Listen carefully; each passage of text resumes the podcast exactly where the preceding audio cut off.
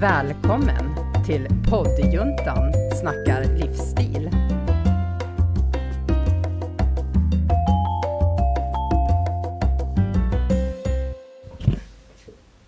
Sådär ja, då hälsar vi alla lyssnare välkomna till, hoppsan Kerstin, till eh, poddjuntan inspirerar.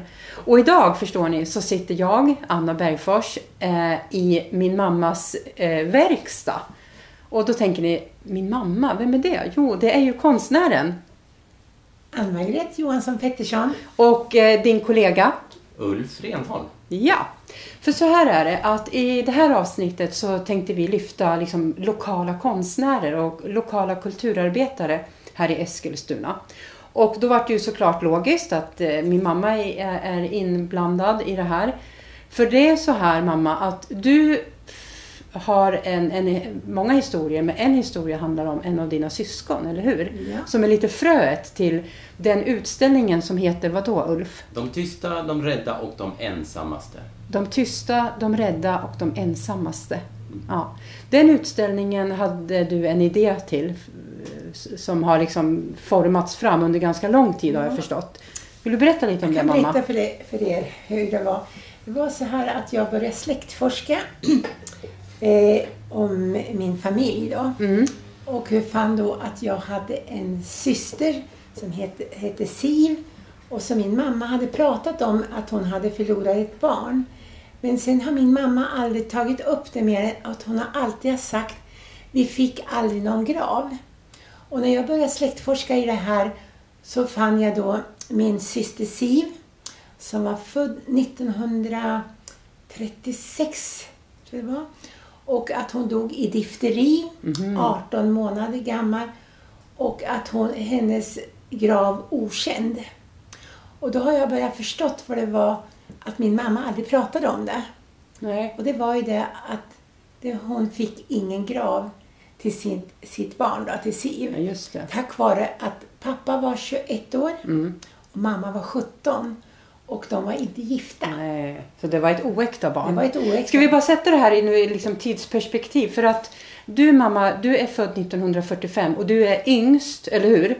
Så Siv var, hur gammal skulle hon ha varit om hon hade levt? Eh, hon skulle ha varit 90 år. Ja, för det är viktigt också att det här är, så här är, går det ju inte till nu för Nej, tiden, nej, att man nej. inte får en grav. Det är därför, eh, det, det handlar inte om egentligen hur gammal du är, utan att så här var det ju förr i tiden, Ja, att om man var eh, oäkta så, så hade man ju liksom ett, typ inget värde i stort sett. Det, det var ju så illa. Mm. Men, men så du menar att mormor då, som vi pratar om, hon pratade aldrig om Siv? Hon pratade bara om att hon hade förlorat ett barn som inte fick någon grav. Sen har hon varit väldigt tyst om det här och pappa har ju inte sagt ett enda ord om det här. Tror du att de skämdes eller varför tror du de Jag inte... tror, jag tror att man skäms att man inte får en grav. Jag tänker att det skulle vara en oerhörd sorg. Mycket. Eller jag menar alla vi fyra, eller alla vi tre har ju barn. Jag menar bara föreställa sig att, att man inte skulle kunna ha en begravning för, en nära, för ett barn eller en nära anhörig är ju jättekonstigt för oss. Vad, vad tänker du Ulf när du hörde den här historien? Ja, men den är jättestark. Ja. Och just att det, det är inte så jättelångt tillbaka i tiden Nej, egentligen. nej. Så att, eh, och det är ju alltid så här när man får höra saker som man tänker, ja, men var det verkligen så Ja, eller hur? Var det så illa? Var det så illa? Ja. Ja. och det ro, roligare med det här är ju också att när vi nu inför utställningen så har vi tagit fram en eh, broschyr som vi kommer med information om det här. Men för att få fram informationen så har vi ju gått ut till olika museer och arkiv för att fråga om just limbogravar. Limbogravar, är Ja. det det de här gravarna kallas? Ja, Ja. bland annat. Bland annat. Alltså att man är lim, i limbo? Man, man hamnar i limbo mellan himmelet och helvetet. Ja, Ja men gud, jag får rysningar bara jag hör det. där man får. Men hur föddes idén mamma att ni skulle, du ville göra en utställning? Nej, men jag kände att jag tror jag vill göra det mest för min mammas stora sorg. Ja, Eh, hur hennes hjärta måste ha brustit av ja, att aldrig pratat om det till oss och nej, bara att vi visste att vi hade en syster ja, och ett namn. Och sen kände jag, vilka skulle jag bjuda med på den här Ja. idén? Så måste det vara konstnärer som, som tänker lite som jag, det här inte mörka men lite djupa. Och då, att jag valde då Ulf Renholm och Kristina Lindblom. Det är ju för att de jobbar också med det här, det här nära. ja, Och för det här är ju en utställning som inte vem som helst kan göra faktiskt. Vi kanske ska säga det, ni är tre stycken som gör det här tillsammans och Kristina kunde tyvärr inte närvara Nej. just idag. Men det är ni tre, och alla ni tre är från Eskilstuna eller? Kristina är från Flen. Ja just det, så det är liksom i alla fall ni är från Sörmland alla tre. Mm. Ja. Så, så då, då bjöd du in Kristina och, och Ulf att eh, vara med. Mm. Ja. Ska vi, jag, jag tänker nu blir säkert eh, lyssnarna väldigt nyfikna. Kan vi börja med liksom, i, ni som konstnärer? Ulf, vill du berätta lite, vem är du och vad, vad, är, vad är dina uttrycksmedel? Vad använder du för konstnärliga uttrycksmedel? Det är ju foto och film i första hand som jag Mm. har i mina projekt. Så att, eh, och de är ju tematiska och oftast tidsavgränsade. Så att, eh, Mm. så att många av dem pågår ju oftast i två år. Okej. Och Ända upp till sju år som jag hade ett projekt jag jobbade med. Så Jaha. att det, det blir ju en längre process, det får ta tid, man får grotta ner sig i Ja. problematiken. Ja, Och också tid för att forska, efterforskning liksom. ja, just det. Få mer kött på benen där när man tar fram de här bilderna. Ja. Men foto är liksom din... eh, Det är basen. Det är basen. Använder du andra uttrycksmedel också? Jag jobbar med ljud också. Ljud, ja. Mm, så det är film och ljud. Film och ljud. Ja. Jag vet att eh, vi har ju haft samarbete för ganska många år sedan med busskurer. Eller hur? Det stämmer bra. Och vänta nu, vad var det vi gjorde Ulf? Hjälp mig att Vi minnas. gjorde en eh, utställning, det var också ett samarbete. Det är alltid roligt eftersom Ann-Margret bjuder in och i det här fallet så bjöd jag in då två andra också så att vi var tre. För att det Ja. händer ju någonting i en process när man är flera Ja. konstnärer. Ja. Att man bollar idéer och de utvecklas och drar åt helt andra Ja. håll än vad man kanske först tänker på. Men det är också en fördel med det. Men, men då var det ju Britt-Marie Jernström Lindell, också målare och grafiker från Katrineholm. Och sen var det Kerstin Svensson som är radioproducent Okej. eh, härifrån Eskilstuna. Då. Ja. Så då var vi tre stycken som jobbade med en porträttutställning där varje porträtt skulle ha ett unikt skapat ljud till sig. Ja, Och just för att det. kunna ha det ljuden i busskurerna Ja. då, så hade vi ju använt oss av en app som, eh, som man då Just kunde det. scanna av Ja. bilderna och sen så startade ljudet automatiskt då till en Så då stod bild. man ju vid en busshållplats, eller hur? Och så hade man den här appen och kunde lyssna på berättelsen och du såg bilderna i busshållplatsen. Ja. Det var liksom det här konst i det offentliga rummet. Mm. Är det någonting som du liksom jobbar mycket med, just det där att tillgängliggöra konsten för många, att jobba i det offentliga rummet? Absolut. Och hitta nya visningsplatser är Mm.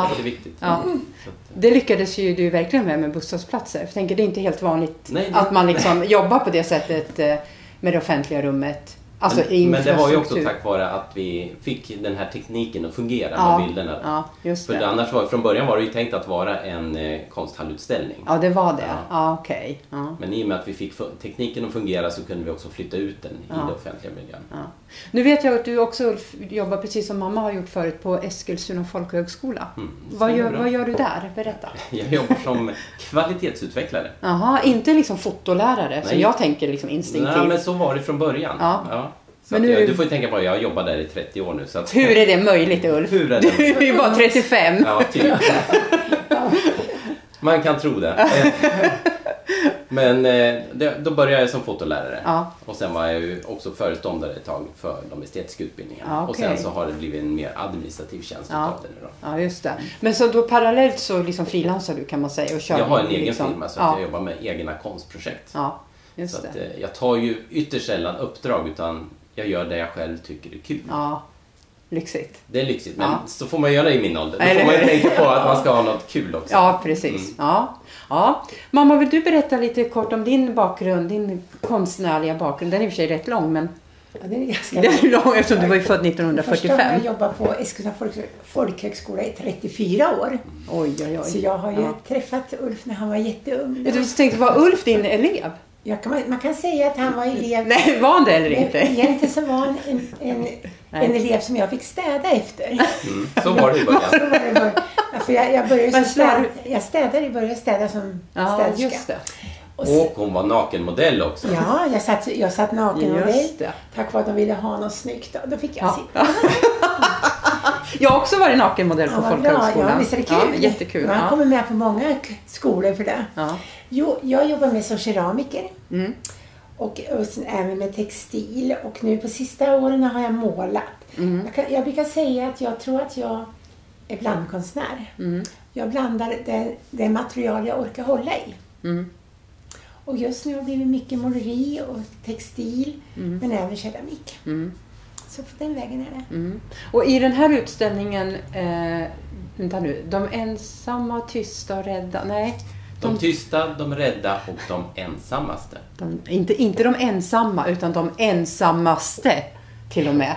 Eller hur? Ni har verkligen Så dragit det. till sin spets. Till sin spets. Vad, vad eh, har du för uttrycksmedel? Vad använder du för konstform i den här utställningen? Eh, Jag har använt raken, Mm.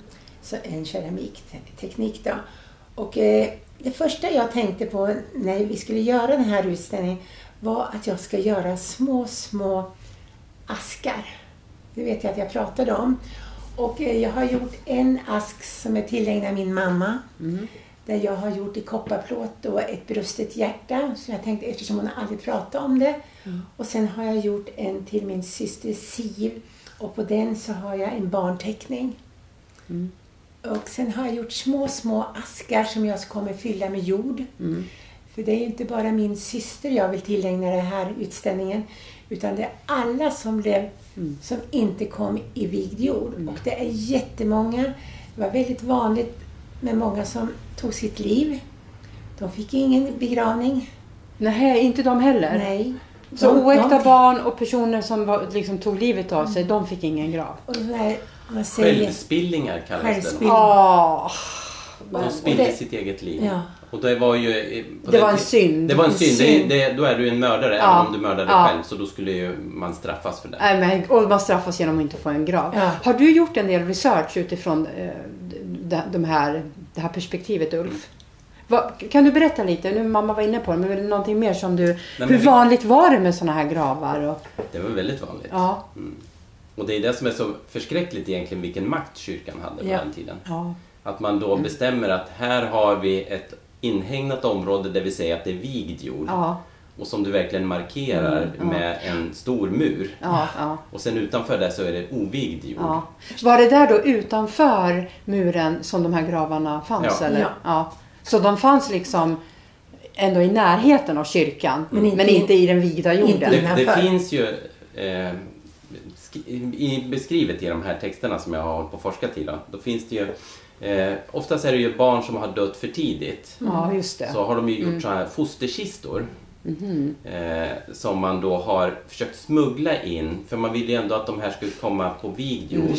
Mm. Så, och närmast här det är ju till exempel Fors kyrka. Mm. Då finns det ju beskrivet när man har renoverat en av de här kryptorna där. Ja, Eh, och då var det ju öppningar ut till själva kyrkogården Ja. med sådana järngaller. ja, just det. Så att när de gjorde den här undersökningen i alla fall, Ja. så hittade de vid den ena östra liksom, porten där, eller Mm. öppningen, så låg det massor med små så här, cigarettaskar, eller vad heter det, cigarraskar. Ja, Cigarraskar. Här, mm, så här, träaskar och, och bylten liksom, Ja. som fanns bakom själva Ja. kistorna då, för de hade ändå försökt få in dem i Ja, men Vigd gud. Ja. Alltså, ja. det är skrämmande. Ja, men vad hemskt. Men eh, eh, nu tusen eh, frågor här. Men mamma, kan vi bara backa? Raku, jag är inte säker på att alla vet vad raku är. Kan du bara kort berätta vad keramik och raku, vad är det för något? Rak är, det är ju lera men det är en primitiv metod. Ja. Man, man alltså, bränner utomhus i tunnor. Ja, som du gör hemma hos mig i Borsökna. Borsökna. Jag vet ju vad raku det där är. svärta, svarta, svärtan är ju egentligen raku men nu har man också börjat gjort med glasyrer så jag har ju en vit glasyr till alla de här askarna. Men raku är själva tekniken är att tekniken. bränna keramik. Ja. Så istället för att man bränner i en traditionell ugn som... Ja, i sån här då.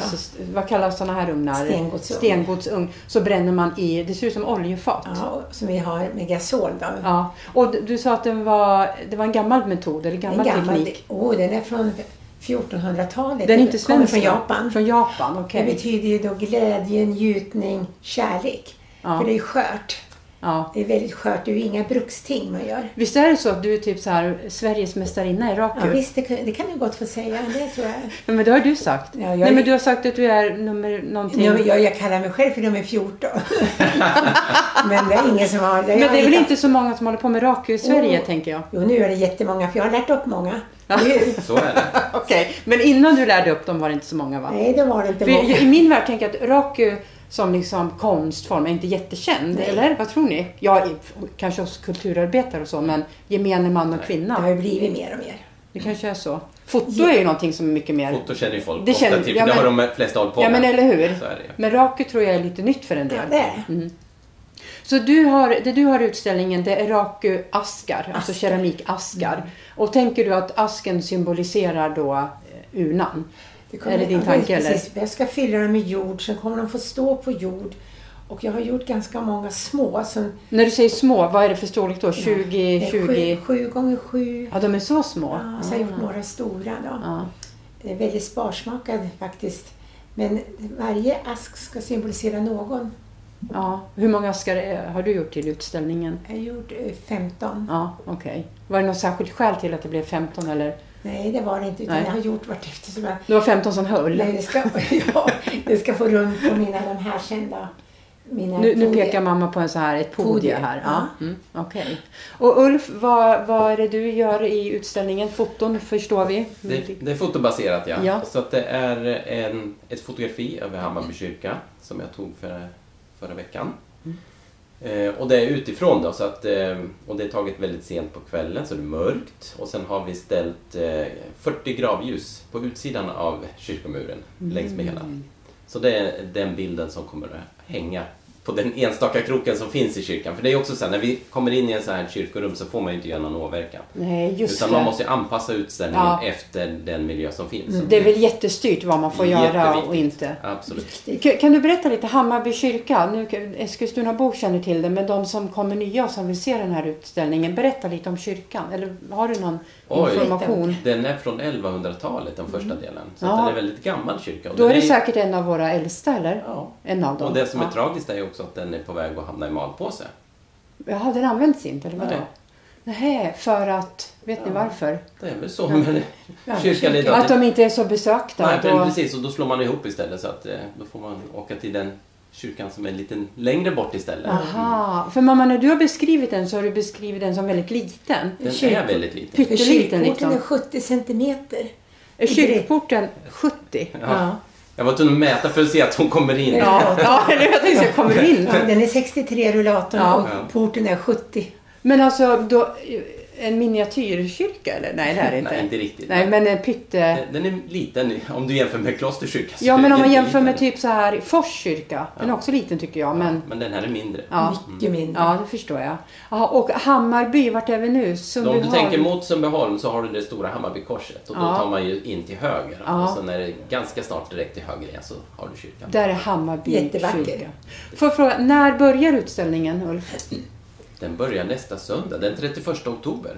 För idag när vi spelar in, vi spelar ju alltid in våra eh, poddavsnitt på förhand. Mm. Idag är det den 22 oktober. Ja. Och vad sa du, den 31 oktober? Nästa söndag. Då är det premiär, säger man inte. Man säger Vernissage. vernissage. Nu var jag inne i teaterns värld här. Då är det vernissage. Och hur länge pågår utställningen? Till den 28. 8 december. Precis. Ja, just det. För det här avsnittet kommer ju sändas i november. Så då finns det, ganska, då finns det gott om tid för folk som är nyfikna att Absolut. se utställningen. Men kan man åka dit när som helst då och titta? Nej, såklart Så inte. är det ju inte. Vi kommer ju marknadsföra oss på Facebook. Ja, det finns ett evenemang redan på Precis, Facebook. och vi kommer vakta där. Vänta, vad heter evenemanget om någon vill gå in och kolla nu? Den, den långa titeln på Ja. utställningen. De tysta, de rädda och de ensammaste. Så skriver du in det i sökordet på Facebook. Så kommer du Då hittar man det här evenemanget. Och då framgår det med öppettider Det står och... öppettider och, Ja. och dagar. För det är så att vi, vi har ju öppet i princip en dag i veckan. Och det är lite olika dagar. Så ibland är det Ah. onsdagar, ibland är det lördagar, ibland är det söndagar. Ska Okej, passa. då är det viktigt att säga nu att ni som är sugna på det här, kolla innan ni åker dit. Precis. För det är ganska begränsade tider. Ja. Ja, Mm. Men kostar det någonting att gå in? Nix, det Nej. är gratis. Ja. Om det är så här att det är någon som blir jättesugen på någon foto eller keramik. Vad gör Kristina för någonting i utställningen? Kristina jobbar ju med grafik då. Grafik. Det hon har, hon har ju tryckt eh, bilder på barn som är eh, på rispapper. Mm. Och sen är det sytt och det är vaxat också. Så att det är otroligt skit in. Och, och det som blir i hennes Ah. fall, hon kommer ju montera dem på glasrutorna så att det kommer se ut som att barnen tittar in i kyrkan. Ah, Som inte kom in. Det är så deppigt. Ja. Ja, det är jättedeppigt. Men det kommer säkert bli väldigt vackert. Men får jag bara fråga, de här barnen som Kristina har, vet ni vilka de är? Eller har hon bara tagit foton på barn? Nej, utan hon har tecknat och skissat. Hon har tecknat? Ja, ah, liksom grafik, jag tänker alltså. foto nu, men det Ja, är men det inte. är inte. Nej. Nej. Så hon har tecknat barnansikten? Ja. Ah, och så ska de sitta där i fönstren och titta Som in? inte kom in. De som aldrig kom in? Jaha. Jag tänkte på om någon, eh, kan man köpa era grejer om någon skulle vara sugen på en, en keramikgrej eller foto eller, eller hur funkar det i sådana här lägen? Tror, tror du att någon vill ha Nej men om det skulle vara så, bara så Då folk får man vet. höra av sig till oss. Ja. Ja. För det kanske inte är tänkt så eller? Vi, vill Nej, ju, vi kanske vill vandra med den här till domkyrkan. alltså, kan det också. Man kan Ja. ju gå vidare med den om det är fler som Ja, törs just det. den. Törs. Ja, men jag tänker det är ändå lite känsligt ämne. Ja, det är det. Hur, hur tog kyrkan emot det här när, när ni kontaktade dem?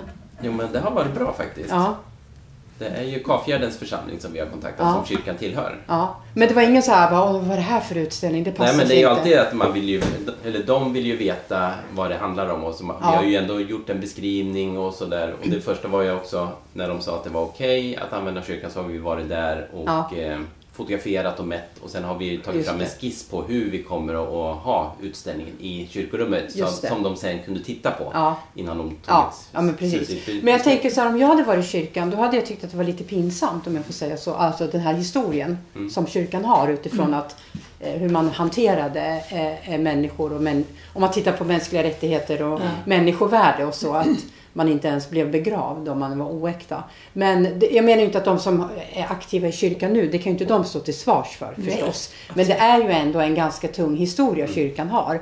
När det Abs- gäller. absolut. Men de tyckte inte, ni har inte haft någon sån diskussion med kyrkan? Men de är ju väldigt eh, intresserade. Ja. De, de vill ju veta mer. Ja, För de visste ju inte det här. Nej. Det är ingenting som de läser och får lära sig på te, vad heter teologisk. teologi, eh, nej, nej okej. Jag Nej, det är klart, det är kanske någonting man har lite sådär, Mm. Inte pratat så jättemycket om det. Nej. Det kanske, jag tänker att det är väldigt positivt av kyrkan att öppna upp för just den här Absolut. Eller hur? Men jag tänker, för jag tänker på om man liksom en parallell till Eh, nu har inte det direkt med konst att göra men om man pratar om värderingar och yttrande, yttrande, frågor som rör yttrandefrihet och mänskliga rättigheter. Tidigare i alla fall och fortfarande vissa kyrkors syn på mänskliga rättigheter. Ja, men homosexuellas rättigheter etc. Det är ju inte alltid helt önskvärt om man får säga så. Så det finns ju också, eller har funnits i alla fall, delar av kyrkan där man verkligen behöver lyfta upp saker på bordet och prata om det. För man har tystat det här, tycker jag. Ja, Det här är ju väldigt tyst om. ja, Men vi hade ju en utställning för några år sedan. Samma konstellation med Kikki, Almaget och jag. ja, Men då hade vi den i Klosterkyrka som Ja. också handlade om barn. De utsatta barnen. Den röda tråden. Den röda, det var ja just det. Ja. Vad var det för tema i den förutom de ut, fann- fanns det något mer tema än utsatthet eller Nej, det var just att eh, Utsatta barn. utsatta barn? Det var Mm. det som var temat? Ja, okej. Ja. Men det kanske inte var lika kontroversiellt för kyrkan? Nej. Det, Kan, det är väl sånt de jobbar med. Ja. De vet ju att barn är utsatta. ja, ja, men det- precis. Mm. Det Exakt. här är nog ja. svårare för dem att ta in. Det tror jag.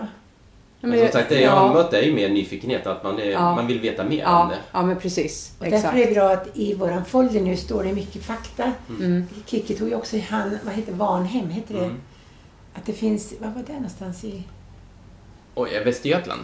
Ja, Vadå, en annan kyrka eller? Det är en gammal, en av de första. där man lät regnvattnet droppa ner. Hur var det där med vattnet? Vadå Det är regnvattnet? Västergötlands museum. Ja. Alltså Varnhem är ju en gammal eh, sån här klosterkyrka där. Ja. Hur var det Eh. där med vattnet skulle få droppa? Jo, där hade man en viss omsorg om barnen så man hade begravt dem nära eh, kyrkomuren för att när regnvattnet droppar ner Ja. på dem så var det ett heligt vatten. Så det Ja. var lite motsatta grejen. då. ja. Men de var fortfarande inte begravda i vigd jord? Jo, det var, de var begravda. De var begravda i vigd jord. Ah, okej. det. Och så fick de extra omsorg Ja. ja. med det här vattnet. Ja, Vad fint. så det var lite fint. Ja, Så det är verkligen. inte bara tragiska Nej, saker. nej, men precis. Nej, men det är faktiskt viktigt för att även om eh, kyr, om man tittar historiskt på kyrkan så kanske det lämnar en del att önska. Men det är också, det var ju en spegling av den samtiden. Den samtiden. Men, men eh, nu är det ju inte alls så. Nej. Eh, I de flesta kyrkor i alla fall. Nu är det ju väldigt öppet och liksom inkluderande. Och, eh, och det, här, det förstår man ju nu i och med att bland annat ni- att ni kan ha den här utställningen utan några konstigheter. Mm. Det kanske inte hade varit helt okej i ett annat land. Nej. Eller hur? Om man tänker vara. på länder där, där inte mänskliga rättigheter är så högt på agendan så är det inte helt säkert att kyrkor hade öppnat upp Nej. för den här typen av Nej, inte. moraliska frågor eller vad man ska kalla det, etiska. Nej, det tror jag inte. Nej. Ja, okej.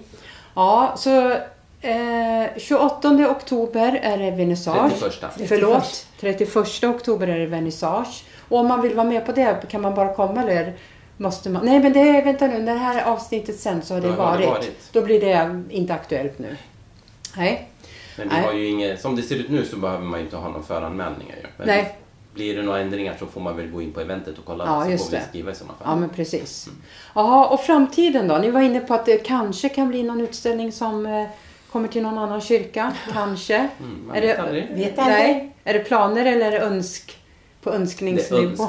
Vi får se hur det här blir. Ja, vi får se hur du tas emot till att börja med. Ja. Vi har ju andra Ja. projekt också på gång. Då. Nej, vad ovanligt mamma. Att du har andra projekt på gång. Ja, det- djupare och djupare.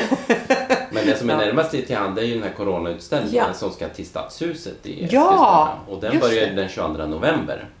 Den har Ja, det måste vi hinna prata om Ja. också. Ja, berätta, vad, är, det, är det Ulfs idé från början? Nej, det är egentligen Ann-Margrethe. Ja, hon okej. som, Ja. Det är hon som nappar på idéerna och sen får de med sig en massa folk. Ja. Men vi är ju lite fler, vi är fem stycken med. Ja. Ni är fem stycken. Men berätta Nej, bakgrunden. men det var det att jag sökte, jag skrev en utförlig idé till Eskilstuna kommun och sökte då sån här kulturbidrag Mm. för att få göra någonting coronakonst.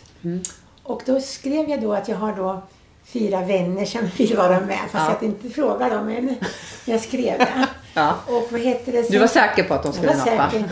Och att vi skulle göra en utställning som heter Tidevarv kom, Tidevarv gick, vad blev kvar? Ja. Och det ska handla om corona. Ja. Och då bjöd jag in då Ulf Renholm, Patrik Danielsson, eh, Kristina Lindblom Och Mark. Marklund. Just det. Och på den vägen är det där vi har jobbat nu med coronakonst. Vad är coronakonst? Ja, det, det handlar om corona, hur man upplevde, jag gjorde då måleri, så upplevde, hur upplevde jag att sitta i min lila fåtölj och måla när jag satt i karantän? Ja, okej. Och du gjorde, Jag har ju de här eh, silhuettbilderna då från eh, nyhetsbilder som har inspirerat mig till att skissa Jätte- av då som silhuettbilder som sen är utskuret i plåt och pulverlackerade. Det, har- det är inte foto från början eller? Jo, det är, foto, det är alltså nyhetsbilder som jag är inspirerad utav. Ja, ja för de ser ju liksom lite fotografiska ut Ja. eh, fast ändå inte. Fast väldigt grafiskt. Ja, ja men eller hur? och sen skurit ja. ut dem. Ah. De är stora. Okej, så det är din coronakonst? Det är min ja. coronakonst. Och era kollegor, kan du Ulf Carina Marklund vad- har ju textilier. Och det är också något som är lite kul när man jobbar med en grupp så här, att vi har olika uttryck. För det Mycket. blir ofta väldigt bra i en Mm. Ja. utställning när man får olika material. Just det. Ja. Men Carina har ju textila Ja. vävnader som är applikationer och tryck. Som är typ någonting som är på väggarna Ja, eller? precis. Ja, mm. Stora saker. ja. Och sen har vi Patrik Danielsson som har jobbat med skulptur. Skulptur. Han håller också på med keramik, eller hur? Mm, han är också. Men inte raku, eller? Jo, han håller på med det. Också, men han har ja. sådana kurser på skolan. Ja, just det. Ja. Och sen Kristina gör... Och hon har också en- samma teknik igen då. Det är ju Ja. de här grafiska bilderna som är Ja. tryckta. Men de, här- de här är mycket längre. Det är helkroppsfigurer. Då. Ah, okej. Men som också är jättefina när de hänger Ah. i lite motljus så där så att de blir lite genomskinliga. Ja, just det. Och mamma, ska du ha måleri eller vad har Jag, ska du? ha, jag har tre Ja. tavlor då. Ja, så ingen, Ja. ingen keramik den här Nej, gången? ingenting. Nej. För det här med måleri är ju... Jag känner ju dig ganska väl eftersom du är min mamma. Jag vet ju ganska mycket om dig. Eller hur? Nej men alltså i min värld är det ju så här. Du är keramiker. För det är det du var först Mm. och längst och kanske mest känd för. Jag vet inte, nu tittar jag på dig Ulf. Men, Ja, men nu börjar det bli måleri också. Ja men eller hur, för du har ju gått över mer och mer. Du har ju varit inne ganska mycket på textil också en Ja, period. jag Men nu känns det som att nu är det måleri. Ja, jag visste inte att jag kunde måla faktiskt. Först jag började gå på kurs hos Kelvin Sommer och Niklas Mullery. Och där växte det det här att det är lättare, sitta det torkar Ja. snart och imorgon är det klart. En Ja, ker- keramiken är mycket mer... eh, veckor innan det är Ja, klart. och sen också tyngre. Både tyngre och mer eh, krävande, att det tar längre tid. Ja, och sen, men jag har nog alltid velat måla för jag, jag vet, och det, även där vill jag ju väckas. det- Jag gör inga lätta målningar. Nej. Nej. Jag gör inga glada saker. Nej. Jag vet inte, jag kan inte göra något Jag tänkte, har du Nej. gjort någonting? inte i konsten. Inte i Nej. konsten. Men gör du det Ulf? Alltså är det lättsamt och glättigt det du gör? det är nog inte det. Nej. När man tänker efter. Ja, nej, alltså när jag tänker på det jag har sett så har jag nog aldrig sett något. Alltså det har alltid funnits, som mamma var inne på, ett, ett djup. Ja. Det Eh, behöver eh, inte vara liksom mörker nej, och bara och deppigt. depp, Nej. men, men det är ändå ett djup i Ja, det. En- att det är ett allvar och ett Ja. djup. Och lite, jag tänk, eh, det, det som jag också tänker på med dig, det är att du också är en röst i, i debatten. Jag menar, jag tänker på nyckelutställningen. Mm. Det, I min värld handlar den om liksom flyktingfrågor och integration och delaktighet och så. Jag vet inte om... Ja, men det var precis det det handlade om. Ja. Det var ju under den stora flyktingvågen Ja. 2015 då som jag började fundera på vad är det för någonting alla pratar om. Man pratar om flyktingar, man pratar om ensamkommande Ja, och det det. var bara siffror. Ja, ja, Idag precis. har det kommit så här många och, det. nästa, och förra veckan var det så här många och vi det. måste stoppa gränserna och då kände man, nej men herregud, man kan ju inte prata om människor Nej. i rena siffror. Nej men eller hur. Och då var jag tvungen att ta reda på vilka är de? Och det Ja. var då jag började liksom besöka asylboenden för att på plats fotografera dem. Det var det, då fotograferade du de människorna. Ja, Och så sen- det var det porträtt som jag sen monterade i nyckelringar. Och sen hade jag ju Ja. samlat in gamla nycklar från deras Fantastisk vänner. Ja, ja. Så att alla fick en varsin Ja. eh, nyckel då. Och Ja. sen har jag ju hängt upp, det vart totalt 177 porträtt med tillhörande nycklar som monterades Oj. på väggen Ja. i form av en stor flyktingvåg men som också kunde tolkas som ett Sverige. kantrat Sverige. Ja, just det. Just Ja. det. Men du, du, du verkligen, eh, jag tänker ofta så blir det ju det där att man ser folk som en grupp liksom. Mm. Här vart ju då det individer, en människa. Det är inte Precis. bara en flykting. Nej. Eller hur? Nej. Det, är män, det, är, det, är, det skulle kunna vara vi. Ja, men precis. Eller hur? Så det, apropå det här med att ha djup och ett allvar så, så kan jag tänka mig att det också är någonting som är viktigt i ditt konstnärskap. Att använda konsten för att lyfta. Mm. För så har jag tänkt på dig också mamma. Att du gör ju inte heller så det enkla eller det lättsamma alltid. Eh, sen behöver inte allting vara deppigt och så. Men just att använda konsten för att ja, men prata om svåra saker eller lyfta saker som kan vara kanske inte tabubelagda, det är lite överdrivet att säga. Men sånt som man behöver eh, Sånt man kanske inte talar om. Nej, precis. Så kan man göra det genom konsten istället. Och det tror, jag tror att det är så jag vill, vill jobba. Jag vill beröra och egentligen vill jag, eh, vill jag säga precis hur det är Mm. för att väcka de här diskussionerna. Mm. Och det tycker jag är viktigt i konsten. Vi kan ju göra det i vår konst. Verkligen. Jag tänker på min bakgrund inom teater. Nu är det ju länge sedan jag höll på med liksom traditionell teater. Men jag hade ju teatern som ett sätt att prata just om svåra frågor eller samhällsfrågor. Det var ju pjäser om mobbning, pjäser om eh, arbetslöshet, psykisk ohälsa, utanförskap. Just att man använder det som ett vapen, är lite fel begrepp kanske, men att man använder det som en metod för att prata om svåra saker. Och det tycker jag skulle säga är en av konstens viktigaste roller. Absolut. Jag tänkte vi ska snart knyta ihop det här med, med konst och kultur. Och då, min sista fråga till er är, hur är det att vara kulturverksam i Sörmland och Eskilstuna? Vill du börja Ulf? Känner du så här att bästa staden ever för kulturarbetare? Nej, det har den absolut inte varit. Inte? Nej. Nähä, Den har varit den sämsta staden okej. ever. Jaha, ja. Men vi jobbar ju på att få den bättre. Ja. Så vi har ju under säkert tre års tid Ja. haft dialog med kommunen. Ja. Så att nu börjar det hända Det saker. börjar Ja, hända mer. okej. Jag tänker Eskilstuna har varit länge en musikstad. Ja. Och då tänker jag att det, det är ju det är ju såklart, det är ju inget dåligt på något sätt. Det är ju bra. Men att det kanske är lite på bekostnad av de andra kulturformerna Absolut, också. absolut. För man, är väldigt priori- eller man har prioriterat att satsa på musiken som är viktig i sig. Men det ska, det ska ju inte vara någon motsättning. Nej, Men du tycker det har varit tufft att vara kulturarbetare? absolut. Ja. Alltså de har ju inte tillämpat enprocentsregeln. Det har inte Nej. funnits några stipendier att söka. Alltså det är Nej. många som, det har inte funnits eh, ateljéplatser eller Nej, just det. Sådana alltså grejer. sådana stöttningar Ja, för att kunna ja, se till så att ja. man behåller Ja. konstnärerna i staden. Ja. Men som sagt, nu håller det på att hända saker. så Ja, att, Okej, eh, det, var ju positivt Det går åt rätt håll. Ja, det vad skönt. Och också. då hoppas vi att det är någon av våra styrande som lyssnar på den här Ja, det hoppas jag verkligen. För då ska de ta åt sig, för då är det positivt tänker Ja, jag. men om så man är det ju. ser det att det vänder. Men sen finns ju mer att göra på regionhållet, för där är det ju fortfarande väldigt mossigt. Och så. Ja, det är så. Ja, men det är alltid så när man som konstnär, fri konstnär ska försöka söka några bidrag av något slag. Då är det ju samverkansavtal och det är Ja, hit och dit. Och, eller hur? Och det är en djungel att bara göra en ansökan. Så är det. Ja. Mm. Många är ju så här, man ger upp redan innan, alltså man orkar inte ens söka. Nej. För det är ganska Men nu håller de ju på där också. Du har ju Sörmländska kulturtillgångar som är ett projekt som ska pågå i tre år. Just det, För jag var med på kulturfrukost i morse med sörmländska Vad ska kulturtillgångar. Ja, Det skulle ja. jag ha gått på. Ja, det kan jag tipsa er och lyssnarna Var det om. på Zoom? Det var på Zoom, ja. Mm. Mamma, hur tycker du att det har varit att vara lokal konstnär, kulturarbetare i Eskilstuna? jag håller med faktiskt eh, Ulf om det, att det har varit det är trögt men att att det håller på att vända lite. Mm. Men jag känner mig att jag har nog jobbat lite i ensamhet och tysthet själv då. Mm. Men jag har ju, låtit mig gjort det för att jag älskar mitt jobb som konstnär då. Mm. Och kommer inte sluta ännu. Nej, Nej det, det är nog ingen som tror. Jag Nej, har tror idéer på gång. Du har väl aldrig varit så produktiv som under Corona? Eller? Jag tror jag blev ännu mer då för då tänkte jag "Åh, om jag dör så kan Ja, då har du mycket. har jag mycket i alla fall idéer. Mest konst vinner. Jo, jag sökte ju, jag tror 23 olika konsthallar och museum Ja. och konstmuseum. Ja, du var väldigt... Sökte jag mycket. Ja, nu, nu vinkar konstnärerna här till Ja, det någon. är någon utanför dörren. Det är någon utanför Det är dörren. Ja, okej. Men vi ska ändå eh, avrunda här. Men ehm, då ha- hade vi någon så här veckans ins- inspiration eller veckans utmaning. Ja, har man inte gjort Ja. något konstverk tidigare så tycker jag man ska ta och göra det. Ja. Just det, om man har konstnärsdrömmar, sätt igång. Det är bara att starta. Ja. Ta, fram mobilen, fota eller teckna. Ja. Alltså, Jag målar akvarell gör någonting. Ja, någonstans ska man börja. eller hur? Och alla har, har väl en inre konstnär? Så är det. Absolut. Eller hur? den går att odla fram. Jajamensan. Då tackar vi så jättemycket alla lyssnare för att ni har lyssnat på poddjuntan Snacka livsstil. Och som, jag hade väldigt trevliga gäster här, mamma Ann Margaret och Ulf. Och Kristina kunde inte delta, men lycka till med er utställning. Tack så mycket. Tack så mycket. Hej då! Hej då. Tack för att du har lyssnat på poddjuntan som snackade livsstil.